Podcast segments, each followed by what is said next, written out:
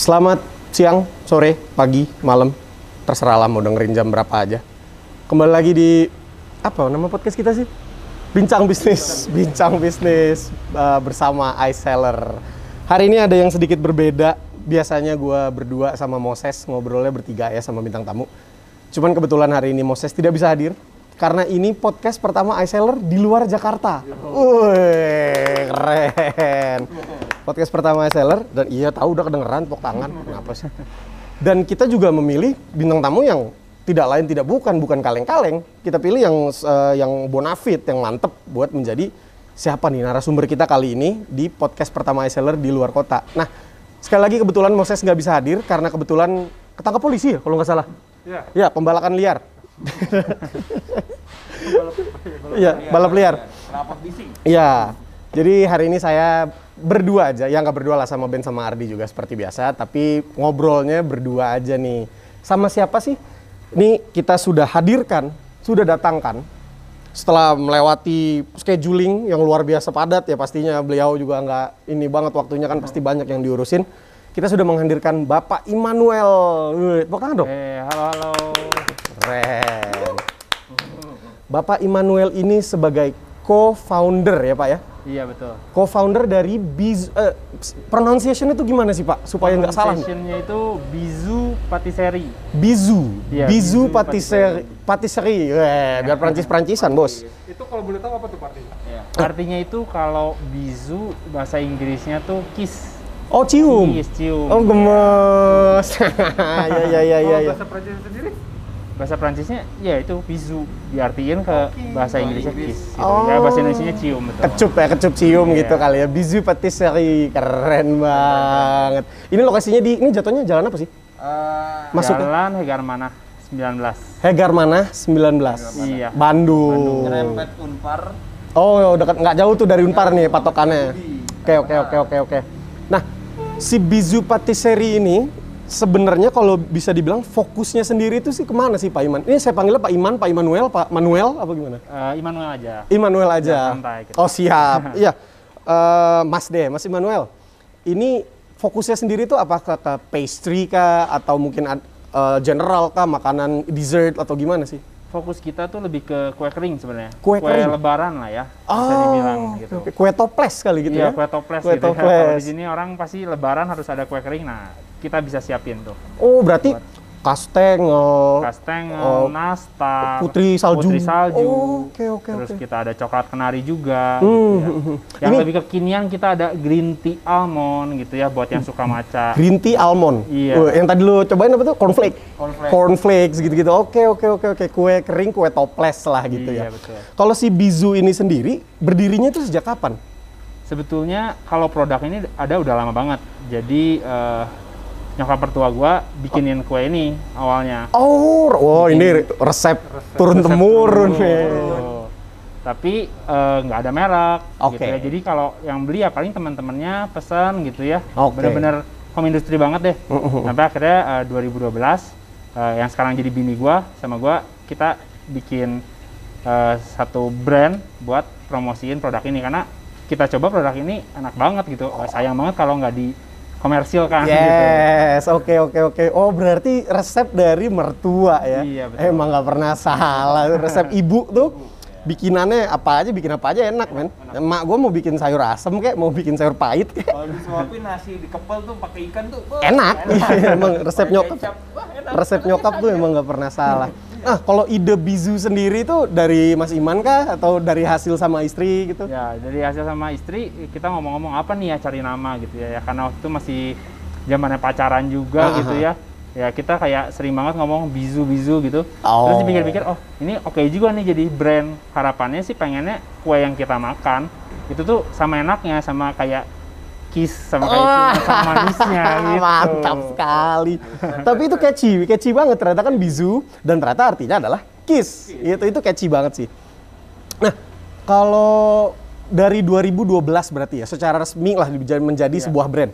Itu memang ini tempat pertama nih. Ini tempat pertama Oh. betul eh, dan kita juga produksi di sini dulu masih kecil-kecilan gitu. Kita mulai dengan berapa ya tiga orang kalau nggak salah awalnya. Uh. tiga pegawai eh, bantuin gitu ya buat buat bikin kue. Ya sekarang eh, kita udah mulai pakai mesin, kita juga udah mulai nambah hampir sekitar ada 40 orang sekarang yang bisa Wow. kita. Di sini atau di tiga ada udah ada tiga cabang ya? Sekarang Mas kita ada tiga cabang betul. di sini di Pasir Ini ada Kaliki. di di Hagar Mana itu Mhm. main outlet kita, terus kita ada juga di eh, Mall 23 Pascal yang di Jalan Oh, Pasir oke. Kaliki Mhm. sama di Paris Van Java. Oh di PVJ. Iya, betul, Oke oke oke. Nah di tiga dari tiga itu sudah ada 40-an karyawan. Iya, betul. Luar biasa, keren keren keren. Nah kalau untuk yang di Hagar Mana ini kan ada meja, ada kursi segala macam. Orang bisa dine in juga makan kue atau gimana mas? Iya, sebenarnya eh, kita setelah bikin kue itu kita kembangin karena banyak yang ngomong coba dong adain makanan eh, makanan beratnya. Kalau cuman kue kering doang, kayaknya nongkrong kurang kurang enak nih. Oh, Akhirnya iya, iya. Di yang Hagar Mana ini kita bikin eh, cafe juga gitu. Kita bisa terima makanan, ada minuman juga. Cuman ya karena sekarang berhubung lagi PPKM, jadi ya kursi sama meja semua dinaikin deh. Ya, ya. belum boleh buka. Aduh itu kendala apa obstacle yang dihadapi semua pelaku bisnis ya kayaknya terutama F&B kali mas ya. Iya betul. Tapi kalau dari Mas Immanuel sendiri dan istri mungkin ya, apakah ada background kuliner? Apakah ada background bikin kue gitu? Artinya mungkin sekolahnya memang eh, hospitality atau kuliah sekolah chef atau gimana? Eh, nggak ada sih, Oh ya? ada background Oh. gitu. Cuman ya dari situ kita ngembangin, terus kita juga ada kerjasama untuk makanannya sama beberapa orang yang ngerti memang di bidangnya Oke. gitu. Kita kembangin, tapi main resepinya eh, awalnya ya dari yang itu. Dari mama- mertua ya. itu Tapi yang- sebenarnya si eh, Mas Immanuel dan istri sendiri tidak ada background kuliner gitu ya. Ya, Artinya ada. bukan emang sekolahnya sekolah chef atau gimana enggak ya? Enggak, enggak ada. Wah luar biasa. Karena biasanya kan wah pastry, wah kue identik dengan oh pasti orangnya memang sekolah, tapi ternyata enggak ya. Artinya Iya. membuktikan bahwa untuk jika, mau punya pastry, jika mau punya toko kue lalala, enggak juga harus selalu sekolah chef dulu, segala macem tidak harus ya mas. Tidak harus betul. Iya, iya, Ya, iya. Karena semua zaman sekarang ada di internet sih. Maksudnya kayak kita bisa research, terus kita cobain gitu ya, terus rasanya kurang apa kita coba trial and error gitu Yes, sampai akhirnya yes. kita bisa bikin satu produk baru gitu. ya, artinya Ya, mungkin nggak harus, maksudnya nggak harus secara akademis kita belajar yes. eh, kuliner gitu, tapi banyak banget eh, kita juga mengisi dengan ilmu-ilmu lain yang bisa kita dapetin entah dari internet atau kita lihat baca baca baca buku atau segala macam yang, yang emang bisa ngebantu kita buat ngembangin usaha ini. sih. Ya, ya, ya. Sistem otodidak. Iya, Otodidak. otodidak. Karena sekarang otodidak kan ada YouTube, ada Betul. segala macam lah semua. Dan mungkin bisa survei-survei, nyobain kue sana, kue Ya, sini, diadu, dibandingkan dan segala macam, dirangkum jadinya bizu. Keren. Apa lagi mau gue tanya? Oh, ini mas, eh ini buat teman-teman ya. Artinya yang dengerin mungkin kan ada yang kepikiran pengen buka bisnis, pengen bisnis F&B, pengen bi- bisnis apa pun lah, tapi mungkin takut, mungkin nggak berani, mungkin kan nggak apa ya, nggak kebayang gitu. Aduh takut ah bisnis nanti rugi, nanti nggak sukses, nanti gagal, lalala dan lain sebagainya, segala alasan yang bisa ditimbulkan. Mungkin boleh mas eh, tips dan trik kalau mau mulai bisnis itu apa aja sih in general yang harus dilakukan, yang harus dipersiapkan gitu mas? Yang paling penting sih fokus ya. Kita kita fokus sama eh, apa yang kita jalanin ya. Pasti usaha waktu kita jalanin usaha di tahun pertama juga nggak gampang kayak eh, kita coba nih eh, tawarin orangnya mau beli nggak kue kering. Oh ini rasanya enak ya, tapi harganya mahal. Ah. Itu kita sering banget gitu. Ya. Dan di situ kita eh, benar-benar coba eh, apa ya? Maksudnya kita coba cari segmentasi market yang baru yang kira-kira siapa nih yang mau beli dengan harga segini dan butuh waktu tuh 1 sampai 2 tahun kita benar-benar ngerintis. Bisa dibilang mungkin kita masih rugi gitu ya belum belum dapat hasilnya. Tapi kita terus coba terus kita kembangin perbaiki packaging terus kita coba uh, promosiin ke uh, segmentasi market yang tepat juga gitu.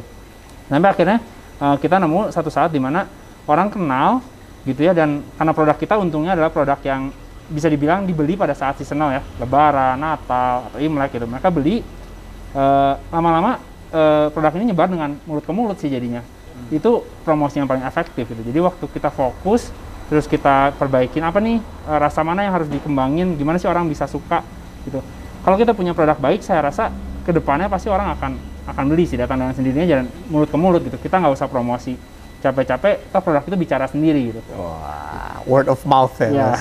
Itu emang metode promosi yang paling nyatanya luar biasa sih word of mouth. Iya.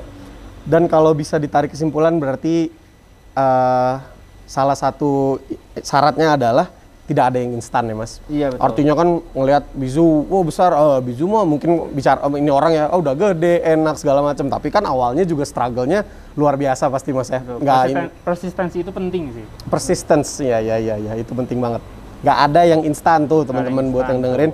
Struggle, the struggle is real. Uh, keren banget. Eh, kalau untuk nih pertanyaan yang mungkin ini ya ke di keadaan saat ini yang menyerang semua industri ya, semua aspek untuk menghadapi PPKM ini, Mas. Apa sih strategi yang dilakukan sama Bizu? Karena kan ya yang kita bisa lihat ya di sini eh, mau nggak mau tadi yang Mas Manuel bilang kursinya ditaruh di atas meja, akhirnya tidak bisa dine in. Akhirnya kan bisa dibilang ya mengandalkan take away ya Mas ya, berarti take away atau mungkin pesanan-pesanan gitu Mas ya.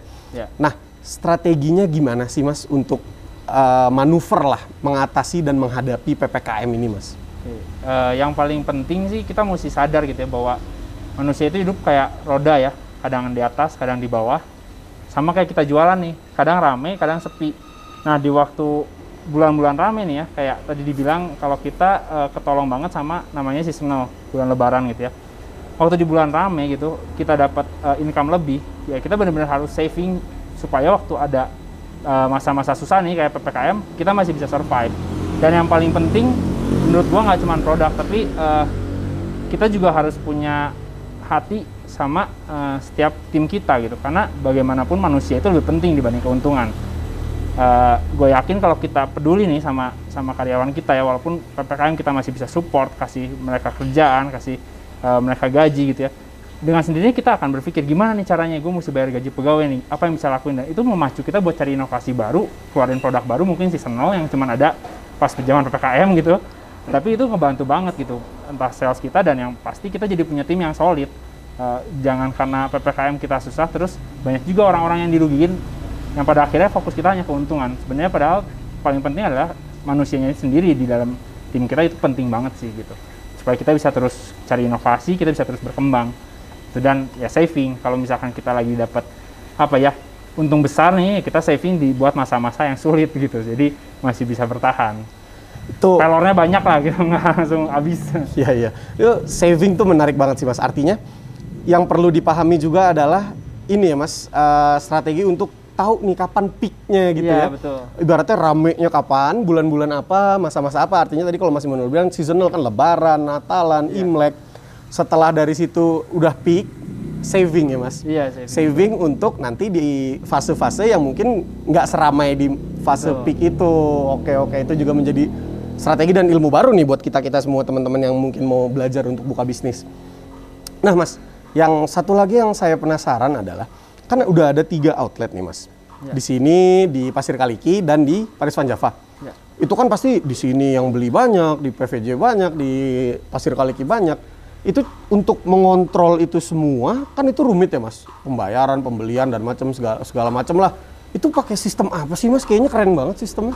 Iya, kita pakai beberapa sistem ya, salah satunya iSeller sih. Woi. Justru kita beruntung ya, kita nggak di zaman dulu belum ada komputer gitu ya, harus masih pencatatan manual itu pasti mabok tuh ngerjainnya. Ah, Nah, ini kita beruntung banget gitu zaman sekarang ya, software udah canggih-canggih gitu banyak banget software yang bisa ngemudahin kita. Ya salah satunya iSeller ini. Woi.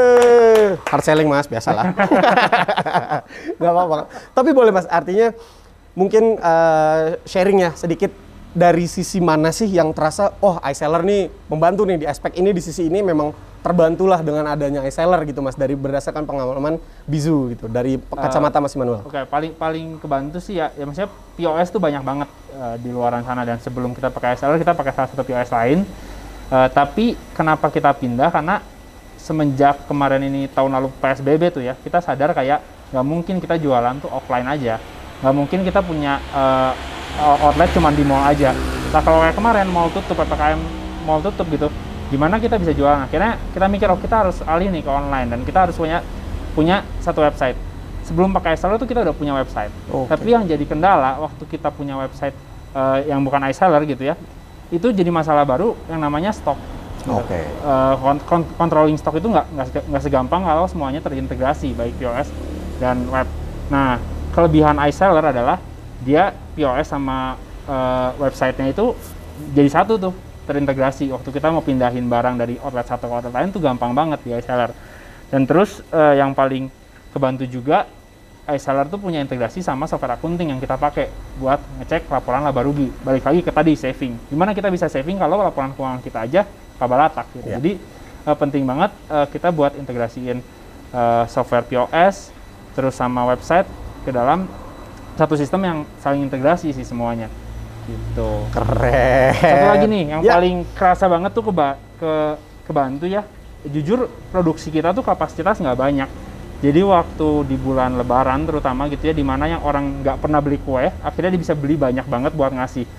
Nah kita tuh keteteran. Di tahun-tahun sebelumnya kita pakai belum pakai iSeller nih ya, kita tuh bisa dikomplain sama customer karena dia chatting gitu, dia bisa komplain. Saya chatting kemarin, tapi baru dibalas sampai hari ini. Pas dibalas barangnya kosong. Wah, bete. marah tuh, Bete, tuh. pelanggan. Wah, kita dimaki-maki gimana sih ini jualan kok kayak nggak mau, bukan yang nggak mau kita nggak ada barang gitu. Nah dengan ada si seller ini, orang yang tadinya chatting, eh, kita tutup tuh. Eh, kita pakai satu sistem lagi lain eh, yang sifatnya kayak autobot. Kita bilang waktu kita udah tahu nih stok persediaan kita nipis, kita bilang kita udah nggak terima pesanan lewat WhatsApp, eh, kita cuma terima melalui website. Nah enaknya dengan melalui website kan setiap ada yang beli berkurang berkurang. Jadi nggak ada tuh kejadian customer yang dari kemarin chatting hari ini mau beli udah habis nggak pernah tuh. Ya kalau dia lihat di website udah sold out ya udah dia nggak bisa beli. At least dia nggak marah-marah sama kita tapi memang itu keadaannya gitu. Nah itu benar-benar kerasa banget sih kebantu dan ya Lebaran tahun kemarin tuh buat buat buat kita sistem tuh benar-benar pengaruh dan emang kita bisa monitoring produk lebih bagus, tahu kapan harus nyetok, tahu kapan eh, kita nggak bisa terima orderan, semua udah kita alihin ke website gitu.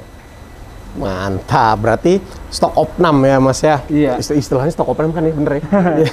itu artinya itu sangat terbantu juga karena ya itu tadi yang masih Mas Iman bilang seandainya ya itu nggak kekontrol kalau misalkan nggak ketahuan stoknya berapa orang kan mau mau mau mau mau ternyata habis. udah Ya. habis dan itu mungkin eh, Marah dibalasnya lama Iya. jadinya marah oh dasar di toko atau gimana kan itu meng- untuk menghindari hal-hal seperti itu terbantu juga ya mas ya betul. Orang nggak usah capek-capek nanya ke kita, dia tinggal lihat website Ya. harga berapa, ukuran berapa, cara kirim gimana, semua kita informasi ada di website. ya Memang eh, orang Indonesia masih senang banget sama yang namanya chatting. itu itu eh, gua nggak pungkirin kayak kita udah pakai website juga kadang masih aja ada yang pengen eh, beli WhatsApp. Tapi kalau kejadian yang kayak kemarin kita lebaran kita udah nggak punya barang dan kita tutup order di WhatsApp gitu ya, mau nggak mau dia mau beli barang ya udah kita cuma kita tutup semua marketplace kita tutup. Kita benar-benar cuma fokusin ke website dan bener itu itu sangat membantu gitu. Jadi siapa cepat dia dapat. Nah Ya. kalau chatting siapa cepat dia dapatnya nggak jalan nih ya, gitu. Ya. Karena gimana yang bacanya, gimana admin yang bacanya gitu. Tapi kalau ini benar-benar siapa cepat dia dapat. Gitu. Ya, first Kerasa come, banget. first come, first serve. Iya. keren, keren, keren, keren. Mas, saya kepikiran nih. Kan sejauh ini eh, tiga-tiganya cabangnya adanya di Bandung nih, Mas. Ya. Ke depannya ada rencana buka di kota lain, Mas? Mungkin suatu saat ada, tapi balik lagi karena problem kita di kapasitas produksi ya. Oke. Selama kita belum bisa apa ya memenuhi setiap pesanan selama Lebaran gitu, eh, kita belum pede buat buka di luar. Oke. Takutnya kita buka di luar, tapi Lebaran kita nggak bisa fulfill. Sejauh ini tuh kita biasa Lebaran ya dua minggu sebelum kita udah tutup order. Wah, karena itu kapasitas produ- produksi kita Produksi masih ya. eh, terbatas. Nah, ini yang jadi PR eh, PR gue juga gitu yang lagi diberes-beresin gitu kita lagi renovasi untuk supaya kita bisa eh, memperbesar kapasitas produksi kita. Jadinya nanti syukur-syukur kalau produksi udah lebih luas ya kita bisa buka bisa banget tuh buka cabang di kota lain gitu. kalau gitu, Mas, pengiriman gimana, Mas? Untuk sejauh ini nih, terjauh dari mana sih, Mas? Terjauh wah macam-macam ya ada yang sampai keluar pulau gitu Uh. ya ke Sumatera, ke Lampung, ke ke Bali, banyak banget sih. Tapi kita selalu remind gitu, karena pengiriman ini benar-benar tergantung ekspedisi. Jadi kita selalu bilang kalau mau dikirim boleh, tapi resiko ditanggung sama pembeli. Karena kita nggak bisa jamin. Kita kirim ke Jakarta dengan kurir yang sama gitu ya. eh, hari ini bisa bisa selamat nih. Begitu Lebaran si kurirnya mungkin rame, banyak kiriman, hancur juga gitu. Jadi eh, kita nggak bisa rekomend. Cuman kalau untuk kirim ke Jakarta pasti kita rekomend lebih baik travel dibanding pakai eh, Jasa kirim. jasa kirim. Iya. Nah ini juga yang bagus di website iSeller. Nah, yang nggak kita dapat di website lain. Website lain tuh terintegrasi hanya dengan ekspedisi, Ya. gitu. Tapi di iSeller eh, kita bisa pakai custom shipping. Nah custom shipping ini kita bisa masukin nih travel. Oh. Jadi ke customer-customer, kenapa tadi gue bilang marketplace ditutup gitu ya waktu bulan rame?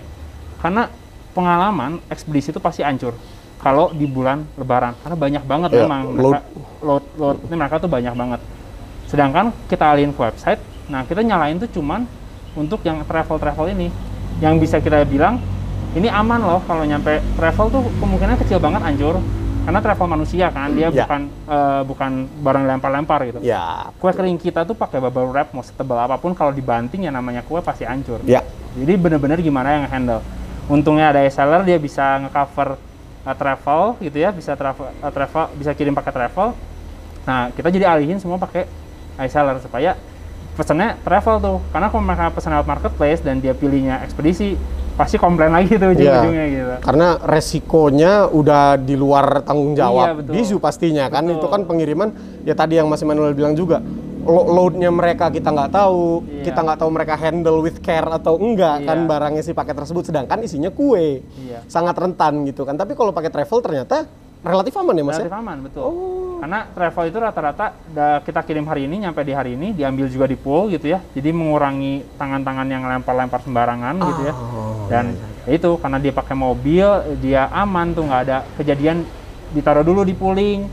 Nanti Ditumpuk. di- ditumpuk dulu segala macam gitu ya. Kita udah coba sih sel- selalu SOP kita setiap kita kirim keluar kata pasti bubble wrap pasti kita tulis juga fragile tapi memang nggak menjamin Ya. gitu. kadang aman kadang nggak. Apalagi kalau udah bulan lebaran tuh kemungkinan hancurnya lebih besar sih memang pasti. Ya, dengan load yang segitu banyaknya artinya Betul. tadi Mas Iman bilang ngirim ke Bali, Sumatera, Kalimantan? Ya Mas. Iya pernah ini juga. pernah ngirim. Sulawesi? Pernah.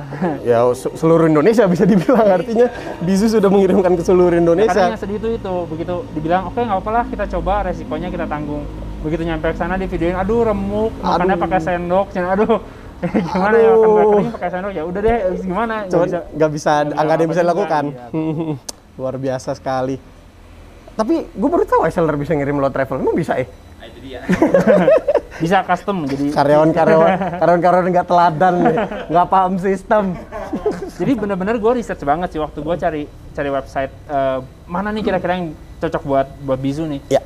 Kita bandingin eh, semua platform dan salah satunya kenapa kita pilih iSeller karena dia bisa eh, masukin tuh custom shipment itu ya yang yang nggak usah nyambung sama ekspedisi. Ya, artinya itu fitur, tersebut betul. sangat menolong sekali ya untuk eh, yang bisnis F&B termasuk kue kering apalagi ya karena kan itu rentan lah mas ya kalau dengan handle yang tidak baik gitu.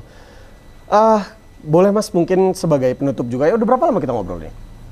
Udah 22 menit. Uh, 22 menit nggak kerasa, nggak kerasa. Time flies. People change. mungkin boleh mas eh, apa ya? closing statement dari Mas Immanuel sekalian tips dan trik lah Mas. Mungkin boleh spesifik kalau di bisnis kue boleh, boleh juga in general lah, in general bis- membuka bisnis boleh. Eh, tips dan triknya buat tadi buat teman-teman kalau yang mau buka bisnis, nih lo tuh harus eh, persistence tadi mungkin Ya. eh, harus persisten, harus apa, harus apa, boleh Mas untuk sebagai closing statement. Oke, ya paling eh, tips dari gua sih ya kita fokus aja sama yang kita jalanin, terus kita lakuin inovasi. Dan yang paling penting ya kita harus sayangin semua tim kita gitu ya, tim member kita. Dan mesti inget tuh, manusia itu lebih penting daripada keuntungan. Jadi kalau misalnya eh, kita bisa menghargai orang-orang di sekitar kita dengan baik gitu ya, pasti eh, Tuhan yang di atas sana juga akan menghargai kita sih dengan usaha yang kita jalanin. Itu yang paling penting sih. Keren banget, quote of the day. Manusia lebih penting daripada keuntungannya. Tuh. Jadi jangan juga buat teman-teman, buat gue, buat lo mungkin kalau mau pada buka bisnis, jangan cuma wah keuntungan, keuntungan, profit, profit, profit, profit, tapi manusianya dilupakan. Betul. Karena yang terpenting ya manusia yang berada dan saling membantu di sekitar bisnis tersebut ya mas. Iya, jadi walaupun kita susah tuh kita tahu kita masih punya keluarga nih, keluarga di tempat kerja kita yang akan terus support kita gitu. Itu sih yang yang penting banget sih menurut gua. Keren banget. Berarti ya. Iya, customer sama termasuk employee juga sih menurut gua. Employee itu penting banget gitu. Yes. Jadi jangan sampai kayak eh, bosnya nih, oh PPKM, oke bosnya masih bisa makan tapi karyawannya, aduh buat makan tuh jangan sampai seperti itu sih. Ya, nggak memper- nggak memperhatikan timnya ya, Iya. Mas. Art- Artinya mungkin ada di luar sana ya, melupakan timnya gitu kan. Luar biasa, luar biasa. Banyak input-input dan ilmu-ilmu yang bermanfaat nih pastinya buat kita dan buat teman-teman yang dengerin juga. Banyak pendengar kita berapa sekarang terakhir? Empat orang apa? Terima Uh, empat ribu. Kayaknya enggak di bawah. Terima kasih banyak Oke, Mas. Immanuel Thank you, thank you. untuk waktunya, untuk sharingnya, untuk ilmunya. Tempatnya PW banget teman-teman. Buat yang mungkin belum pernah ya, yang belum pernah ke Bizu Patisserie, nih di Jalan Hegar Manah berapa mas sorry? 19. Hegar Manah 19 Bandung dekat Unpar, nggak jauh dari Setiabudi. Mampir ke sini tempatnya PW. Mungkin kalian dengerin di saat udah tidak PPKM, boleh sambil dine in. Wah, ini buat ngedate enak banget. Buat kencan, enak banget makan kue. Ujungnya bisu deh. Ya. Iya kue, maksudnya kue, maksudnya kue. Oke deh, thank you banget. Terima kasih sekali lagi Mas Iman. thank you, thank you. Saya Rifki pamit, Mas Iman juga pamit. Sampai jumpa di podcast berikutnya dengan bintang tamu yang pastinya tidak kalah menarik. Bye.